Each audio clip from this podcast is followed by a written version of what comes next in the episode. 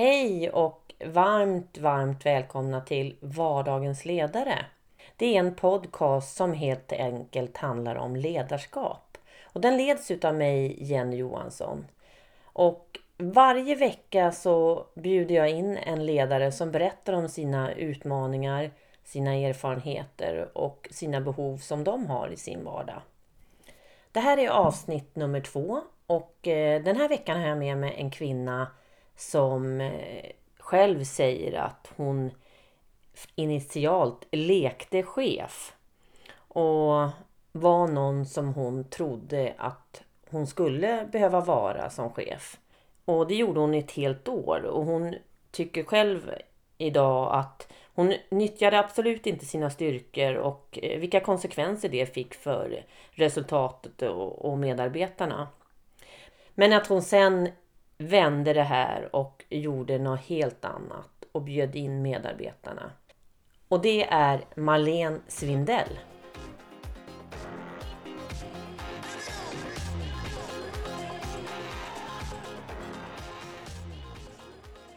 Den här veckan är Vardagens ledare sponsrat av Ungapped som är en marknadsföringsplattform. Jag bland annat genom Makat använder deras nyhetsbrev. Tycker att det är jätteenkelt och jättesmidigt. Men sen gillar jag också de som jobbar på Ungapped. Det känns väldigt eh, familjärt. Och jag satt och pratade med Sofia i förra veckan och frågade henne vad är det som gör att eh, du tycker att Ungapped är så bra Sofia? Och bland annat då så berättade hon, tycker jag, en ganska ja, skön historia om hur hon såg när hon växte upp eh, sina föräldrar som var småföretagare, hur de alltid fick kämpa med att hitta pengar och lösningar för att kunna marknadsföra sig. Och eh, det var en av de små sakerna som gjorde att hon fastnade för Ungapped. Att för vanligtvis är det väldigt dyrt att marknadsföra sig. Men alla har råd att använda det här systemet. Det gillar hon jättemycket. Och sen berättade hon självklart massor med fler saker. Men det här var en, en del som jag också kunde känna igen mig i. Det, det är kostsamt med marknadsföring men Ungapped kostar inte mycket. Så tack Ungapped! Jag tänkte innan du kom att jag undrar hur du ska reagera när du kommer till din gamla lägenhet. Du sa du precis det där nere på när såg det. Gud, jag kanske det är skumt. ja, mycket skumt. Ja, men det har gått bra i alla fall. Ja, det är det. Ja, eller hur? Vad skönt.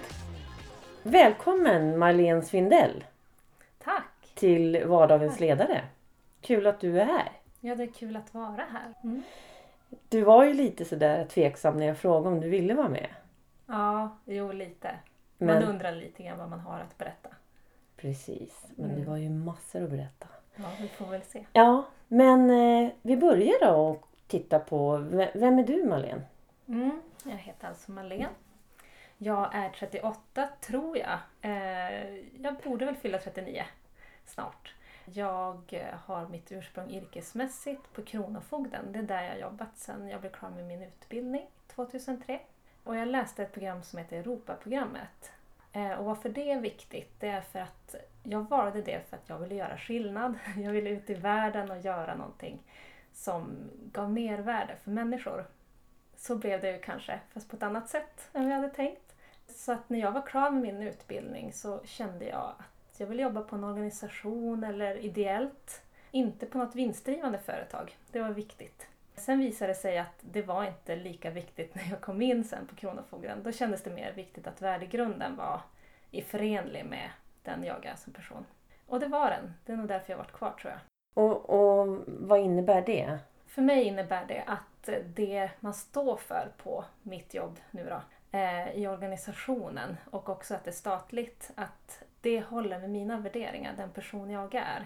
Att vi gör skillnad i samhället, eh, det tycker jag är viktigt. Så Mm. något högre syfte än att bara tjäna pengar. Då blir jag ju jättenyfiken nu Marlene. Vad, Ja. vad, vad är dina värderingar? Eh, jag har nog ganska enkla basala men jag tycker att ehm, det som har format mig också genom att jobba på Kronofogden men också innan är de här enkla sakerna som demokrati, att vi har ett rättssäkert samhälle är superviktigt eh, och att vara en, del, en bricka i det tycker jag är viktigt. Och jag har förstått vilken påverkan man har när man jobbar statligt. Och därför måste man värna om det. Mm. Eh, och det är en grundvärdering som jag har med mig. Man är stat- statstjänsteman även när man går från jobbet till exempel. Man kan inte bete sig hur som helst. Nej. Och det tycker jag rimmar väl med den person jag är. Vara ett föredöme på ett sätt. Mm. Jag tycker när jag hör ordet Kronofogden Ja. eh, så, så känner man ju vissa saker. Och så känner man också, också vi- vissa saker när man tänker statligt. Mm, precis. Eller hur? Ja. Och jag ska inte gå närmare in på exakt vad jag känner men eh, jag tänker så här att nu känner jag ju dig och jag vet ju att du är otroligt, eh, så här, otroligt ödmjuk och snäll och rolig och ja, aktiv. Mm. Det är, inte, det är inte vad jag tänker när jag tänker på de sakerna. Mm. Och jag tänker då att det är så synd. Eller För att hur? det, det är så många medarbetare som, som är såna.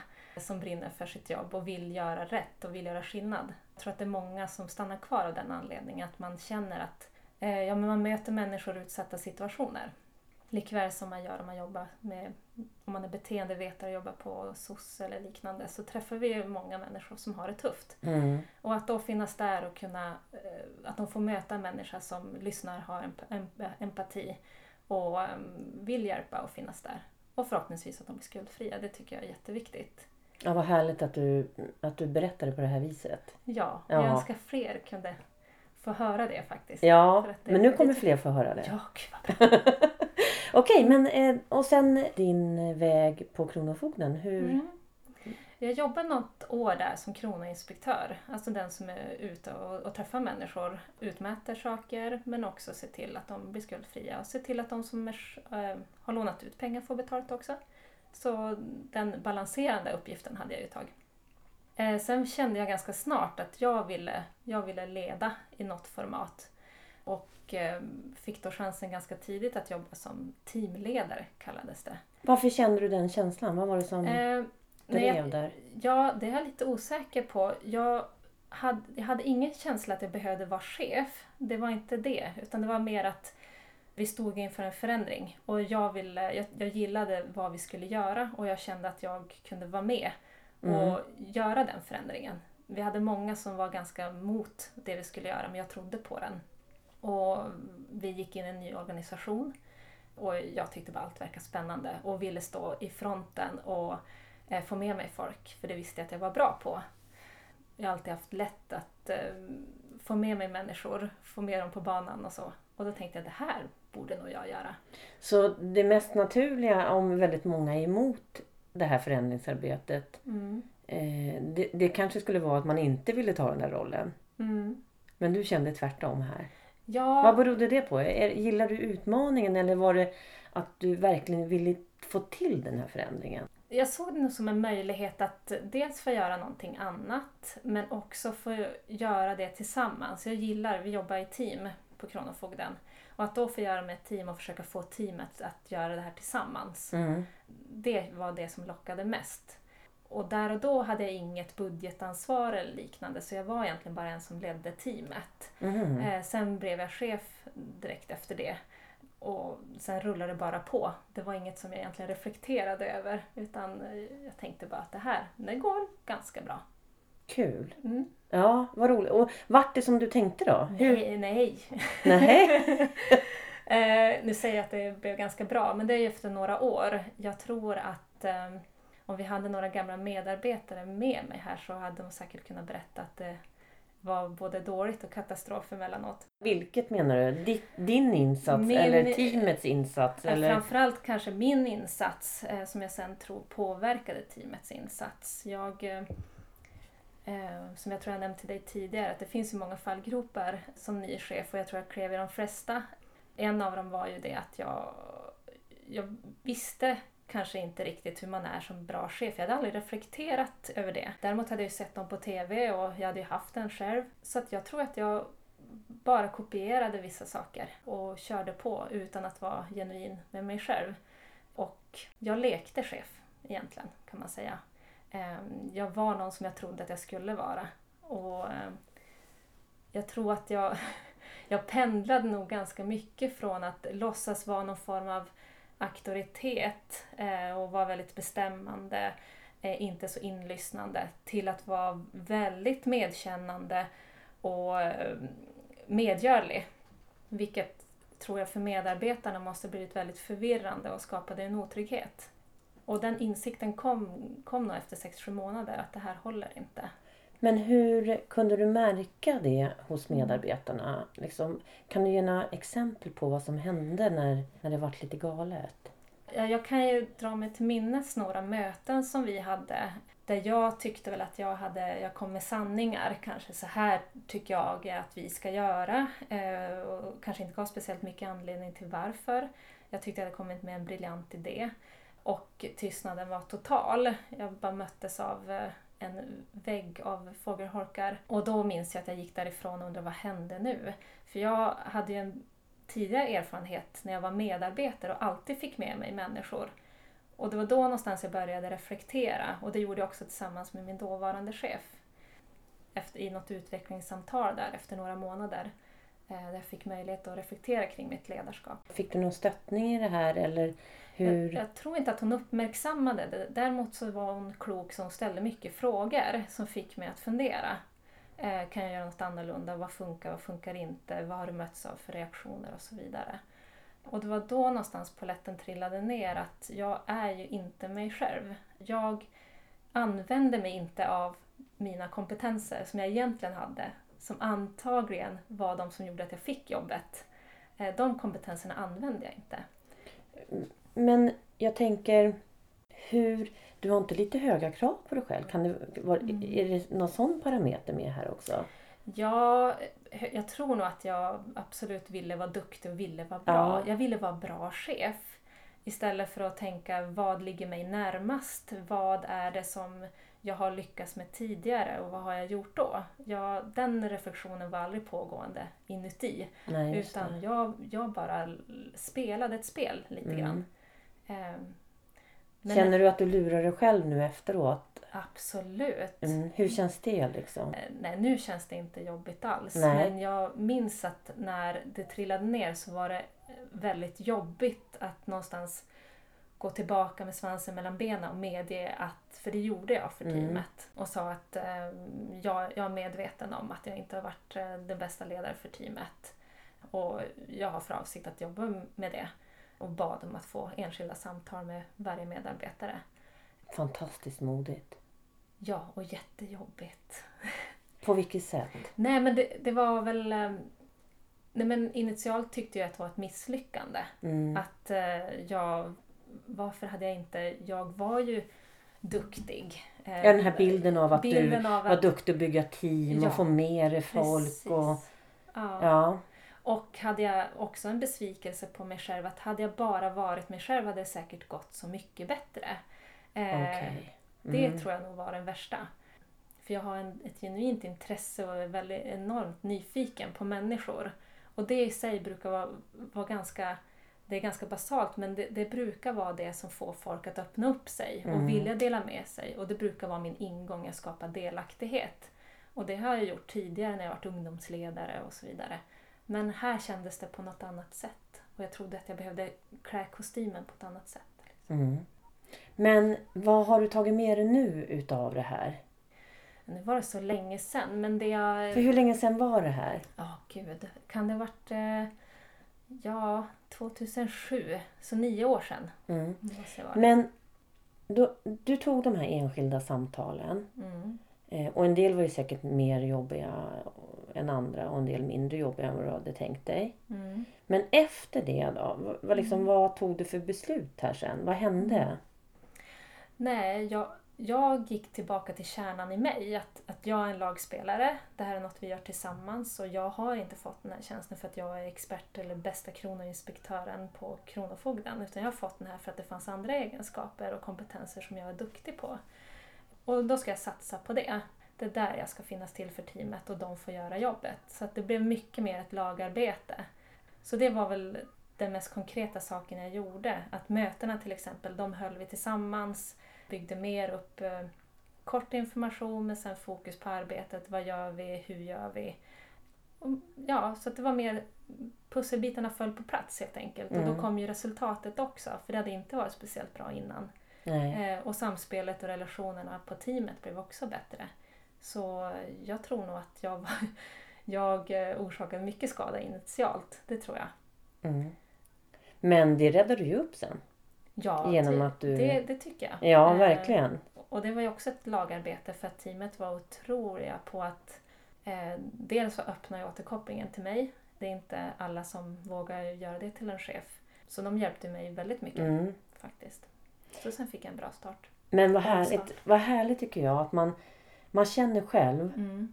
att, eller du kände själv att du tog det här jobbet och ville göra det så bra Mm. och känner själv hur du totalt misslyckas. Mm.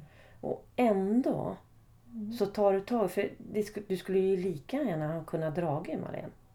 Ja, Förstår du liksom? Precis. Och Jag menar, för det är ju många som har gjort så. Men Mm. du, du stannar kvar, tar tag i det här och gör det rätt. Genom Mm. att vara genuin och äkta mot dig själv.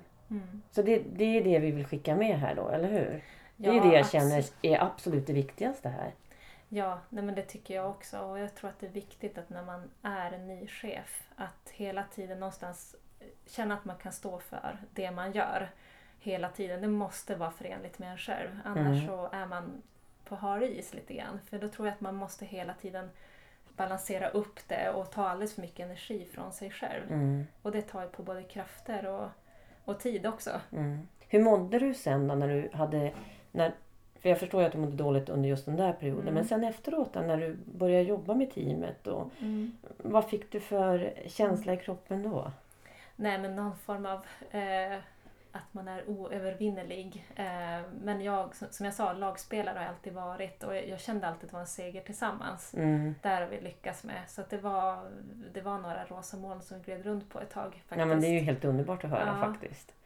Så, men jag tänker, jag blir ju lite nyfiken också. Mm. Dina styrkor mer än bara bygga team då? Det måste ju vara mycket mer här som är ganska tänker- kraftfullt. Eh, jag tänker att i bygga team så finns det så mycket, många komponenter. Men jag tror att jag har... eh, Min starkaste sida är väl också det här med att, att se människan. Jag är Mm. väldigt människoorienterad och det kan väl också vara nackdelen då att jag alltid fått jobba med den andra sidan med att liksom, med skapa resultat och vara målinriktad på den.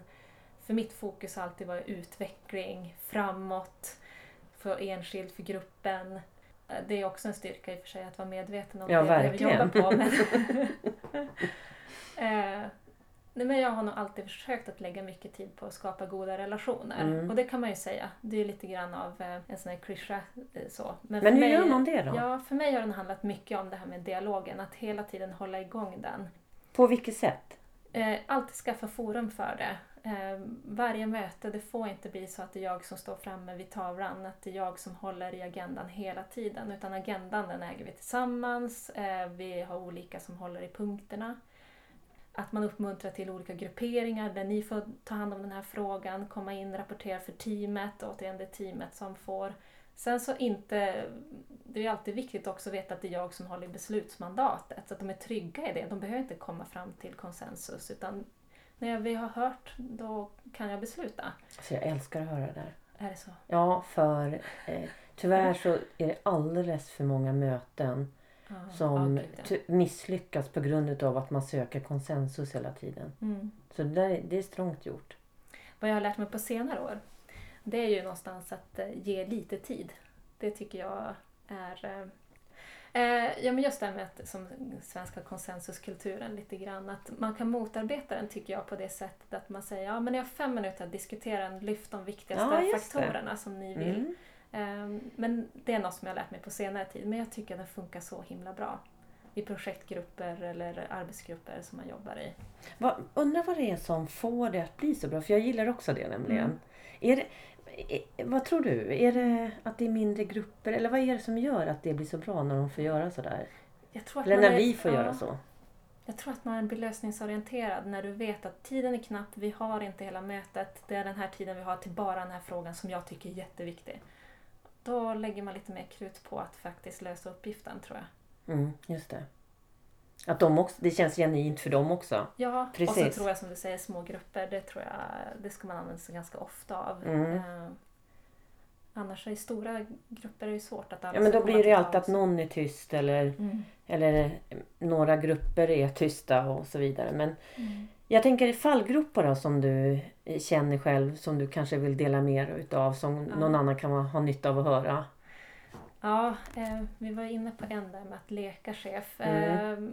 Eh, en fall, jag tror att det är en fallgrop, men något som jag själv klev i det var initialt när jag var chef, egentligen första två, tre åren ska jag tippa.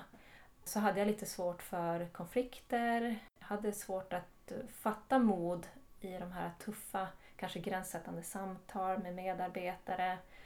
Och kände själv att jag tog inte riktigt tag i, i dem.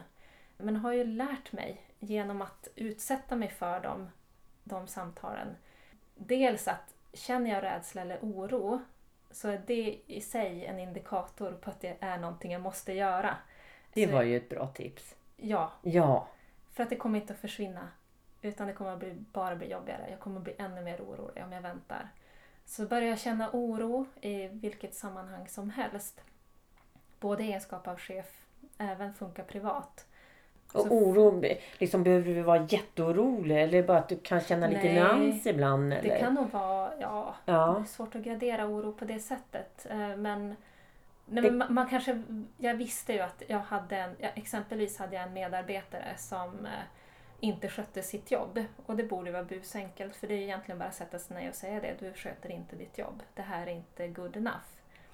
Så tassade jag lite grann runt het gröt där några månader innan. hur, hur då? hade jag avstämningssamtal och då kunde jag ställa frågan hur tycker du att det går? Och han kunde säga ja, jag tycker att det går bra. För det tyckte han kanske. Mm. Eller så levde han i någon form av självförnekelse. Eh, och jag kunde säga ja, min bild är ju lite en annan. Jag var väldigt sådär ja, mjuk Okej. så. Mm. Eh, Fast du ändå ställde de här frågorna som, man, som man ska. Men du, du kom aldrig till jag kom aldrig kärnpunkten. till... Nej, eh, jag gjorde inte det. Och det här var ju en väldigt stort irritationsmoment på teamet. Eh, en person som inte bidrar, en person som man tycker in, inte tillför speciellt mycket utan snarare kanske belastning i vissa avseenden som man kanske också tyckte synd om. Och jag skötte det inte bra initialt. Nej just det, för då blir det ju också att då blir ju du för tillåtande helt plötsligt. Absolut, Mm, just det. precis. Mm. Eh, och jag tror att det också var, faktiskt så gick jag på en, en, en utbildning. Mm. eh, då poletten trillade ner. Sen vet jag inte om modet kom direkt. Men det här med att jag, jag kan verkligen inte...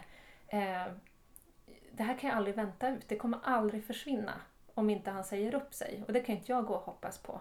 Utan jag måste ta tag i det. Mm. Och det, handlar, det var en coachande ledarskapsutbildning och det var väldigt basic. Och, men det är något som jag har burit med mig. Att jag måste ändå se honom som en, en kapabel människa, vuxen människa att kunna ta emot det jag har att säga. Eh, så jag samlade mod och gick, gick dit efter den här kursen och sa att vi behöver prata. Och så sa jag som det var helt enkelt. Eh, det här kommer inte att hålla och det här är på gränsen till att du inte uppfyller din arbetsskyldighet. Eh, vi måste ta upp och göra en handlingsplan. Vad hände? Det gick ju jättebra. Han var ju jätteledsen eh, initialt men sen hade vi ju jättebra dialog. Eh, och det var inte alls så farligt som jag trodde. Nej, så han insåg till slut att du har ju faktiskt förtroende för honom annars skulle du aldrig jag ha hade ju sagt sådär. aldrig sagt det om jag inte hade litat på att han kunde ta emot det här Precis. och nu kan vi lösa det tillsammans Ja. på bästa sätt. Hur, känns, hur kändes det efter det där? Ah, det var ju som en liten seger. Ja. Och veta att man har fixat det en gång gör ju att man kan fixa det Mm. igen. Och det är väl det, man får ju öva sig fram och jag tror att det är det som är grejen också. Tillåta sig att inte vara bäst, duktig, behöver inte klara av allt. Men gå och fråga kollegor, våga vara ärlig med dina brister så går det så mycket bättre. Mm. Sen vet ju jag att du hade lite andra saker som att du har pratat om att sätta gränser, kräva tydlighet och Mm. liksom, och där blir jag också lite nyfikenhet. Hur, för det är så lätt att säga ju att jag, Ja, jag behöver lära mig att sätta gränser Ja. och jag behöver jobba med min tydlighet. Och det, det är ju klassiker. Mm. Men hur, hur jobbar du med de där delarna? Ja, eh, jag kan väl först bara säga att jag, jag jobbade ju som teamchef några år där och allt flöt på. Och sen fick jag någon parallell projektledarroll och det var väl lite övermäktigt så. Och jag började känna mer och mer att förväntningarna på ledarskapet, de är, alltså det, det är så mycket man ska vara. Och det är sällan konkret. Det är mycket att du ska vara coachande, du ska vara du har situationsanpassat ledarskap och du ska vara kommunikativ. Du ska entusiasmera och engagera dina medarbetare, motivera, ja du vet, det är en oändlig lista. Ja, det är helt otroligt egentligen. Jag tror någon gång att jag har spaltat upp allt, det är väldigt Ja. mycket. Mm. Och dessutom som jag sa, det jag tycker inte alltid är speciellt konkret. Ehm, och jag började känna mig ganska frustrerad i min yrkesroll och kände att ledarskapet fick mindre och mindre plats och att min roll blev mycket mer av administrativ karaktär. Och det var inte därför jag sökte rollen. Eh, och det var inte den linjen jag ville gå. Och jag hade aldrig något önskemål om att klättra och bli... Jag gillade det direkta ledarskapet för jag gillar att jobba med medarbetarna på golvet i verksamheten för jag gillar verksamhet också. Så jag ville inte klättra upp. Men jag kände att vad ska jag göra om det är så här rollen ser ut hos oss? Men landade ändå i att det är så mycket jag kan göra själv. Och det handlar mycket om det här med att, eh, för min del, att sätta gränser mot min chef. Att vara tydlig med att det här är det jag kan leverera, är det good enough? Att ställa de frågorna. Men också fråga vad, vilka är dina förväntningar på mig konkret? Mm. Och få uppdragsbeskrivning om det krävs. Mer tydliga mål formulerade och så. Så att jag vet vad jag ska prioritera. Fantastiskt. Det där på vårt ledarskapsprogram Mm. så ber vi, en av upp, hemuppgifterna är att titta på vad är mitt uppdrag? Mm. Det är jättemånga som inte som har det precis så som du hade det.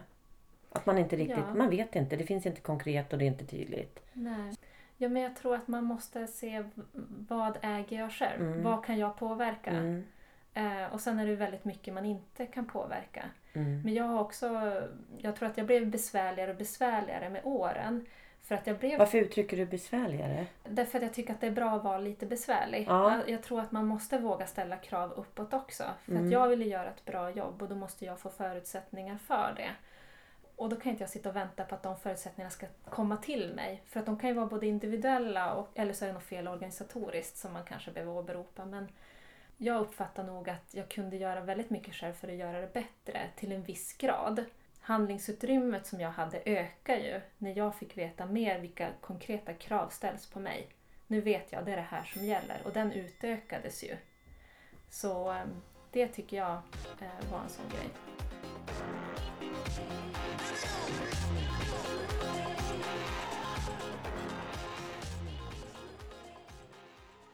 För någonstans, som jag sa, när man har lite taskiga förutsättningar, vad kan jag göra för att liksom tänja de här gränserna och kanske smalna av i vissa om det handlar om att jag ska göra mindre. Eh, men också att jag liksom utökar mitt stöd, alltså någonstans. Och då måste ju min chef veta vad jag behöver för stöd, Mm. men också vad kan jag göra själv och det är nätverket. Alltså det är någonstans där jag tänker att som stödet måste ju in. För jag tror att man vågar, det är det jag menar med att sätta gränser, det är också att vara tydlig med sin chef. Att, att bara, ja, men så här ser det ut. Och i Mm. nätverksbyggande handlar det mer om att dela erfarenheter, få liksom landa i det, jag har någon känner som jag. Eh, Så du har skapat massa nätverk hos er nu? Där Ja. ni jobbar på det här viset? Liksom, är, det, är, det, är det struktur på det eller är det någonting man bara har? Alltså nu, nu har jag ju inget sånt nätverk som jag är deltagare i. Utan nu leder jag ju sådana. Ja men du, det är ändå så pass strukturerat att Ja, ni har jag- nätverk som jag, ni träffas och... Jag har ju nätverk för alla nya chefer. Ja, just det. Som jag liksom har ju. Och där, de går ju ett chefsutvecklingsprogram under tiden som en introduktionsutbildning för nya chefer. Och det tycker de är helt okej. Men det de tycker är fantastiskt är nätverket.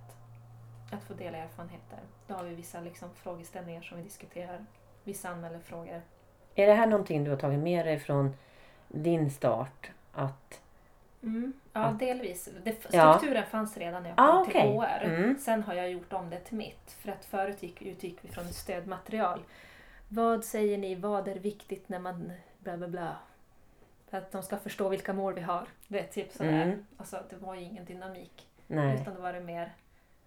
Ja, Nu har det blivit mer exempel. levande och, och liksom det som händer i vardagen idag. Ja, precis. Nu står Ja. vi för lönerevision. Vad, vad, vad, vad tänker du? Vad behöver du stödja av dina kollegor?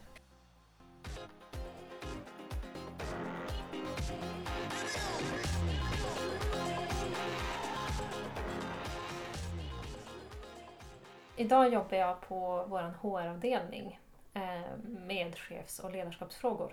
Eh, Så alene. du sa i princip... Du, du satte Mm. av dig själv som chef, eller? Ja, När gjorde du det här? Eh, tre år sedan, ganska precis. Efter semestern för tre år sedan. Och du har säkert fått höra det här hur många gånger som helst, men vad modigt gjort. Ja, det har jag hört några gånger. Ja. Eh, Varför gjorde du det? Ja, lite grann som jag pratade om innan det här med eh, förutsättningar och förväntningar på ledarskap. Och, eh, jag kände att jag hade gjort allt i min makt för att skapa bättre förutsättningar för mig. Och eh, jag känner mig ändå inte riktigt nöjd. Och då är jag någonstans så att jag vill göra medvetna val. Jag vill inte stanna kvar i någonting som jag känner, nej, det här är inte något för mig. Det kan man göra några månader men inte år efter år. Och nu var jag väl inne på mitt, jag började snudda på andra året och jag kände bara nej nu har jag slagits tillräckligt för att få tid, att få eh, energi till att göra det jag vill göra, vilket var att leda människor och hade inte fått det riktigt. Så då valde jag att säga tack och adjö. Jättetrevlig tid. Men nu vill jag göra något annat. Och sa du upp det från, från Kronofogden? Eller, Nej. eller visste du vad du skulle göra sen? Eller hur? Nej, jag sa inte upp mig. Eh, Kronofogden har ju tidsbegränsade chefsförordnanden. Jag hade fått förlängt men jag eh, har en grundanställning som handläggare eller kroninspektör i botten. Alla har någon form av annan grundbefattning. Så att jag visste att jag hade fortfarande ett jobb men jag visste inte vart man skulle placera mig eller vad jag skulle pyssla med. Om jag skulle landa i arkivet eller eh, vad man skulle göra av mig. Men hur det- reagerade medarbetare, chef? Hur, Mm. Vad hände? Min chef var väldigt bra tyckte jag. Hon, eh, hon sa, det första hon sa minns jag var att jag kommer inte försöka övertala dig att eh, tänka annorlunda. För jag förstår att har du kommit fram till det så har du gjort det. Eh, jag är bara mån om att eh, det ska bli så bra som möjligt. Eh, så det var ganska tryggt att veta att jag har henne med Mm. mig och hon kommer hjälpa mig att eh, hitta någonting. Eh, sen blev det inte riktigt så men hon var där då jag behövde det. Ja, verkligen. Så. Medarbetarna var ju, det var jättetråkigt. Vi hade ett jättefint team och jag saknade dem jättemycket första halvåret. Jag tyckte det var hemskt att inte få, få vara där och vara med. Ja, det är klart. Och jag tror att det var nog ganska ömsesidigt. Mm. Men många av dem känner jag ju fortfarande och vi träffas. Mm, precis. Så, så du, från att ha börjat med den där starten Mm. eh, för nio år sedan så var du då chef i sex år Mm. och så tog du beslut att du inte ville vara chef längre Mm. och så gick du över nu till att jobba med HR-frågor istället. Ja, precis. Så, du fick, så nu får du leda ledare. Ja, delvis. Jag jobbar mest med strategiska frågor, eh, gör jag. Men utöver det så jobbar jag ju lite mer handfast, framförallt då i, i vårt chefsutvecklingsprogram där Mm. jag eh, har hand om nätverket för nya chefer Mm. bland annat. Eh, men även gör en del andra saker för att det ska bli så bra förutsättningar för cheferna som möjligt. Men det är svårt också i en stor Ja, organisation. verkligen. Det förstår jag.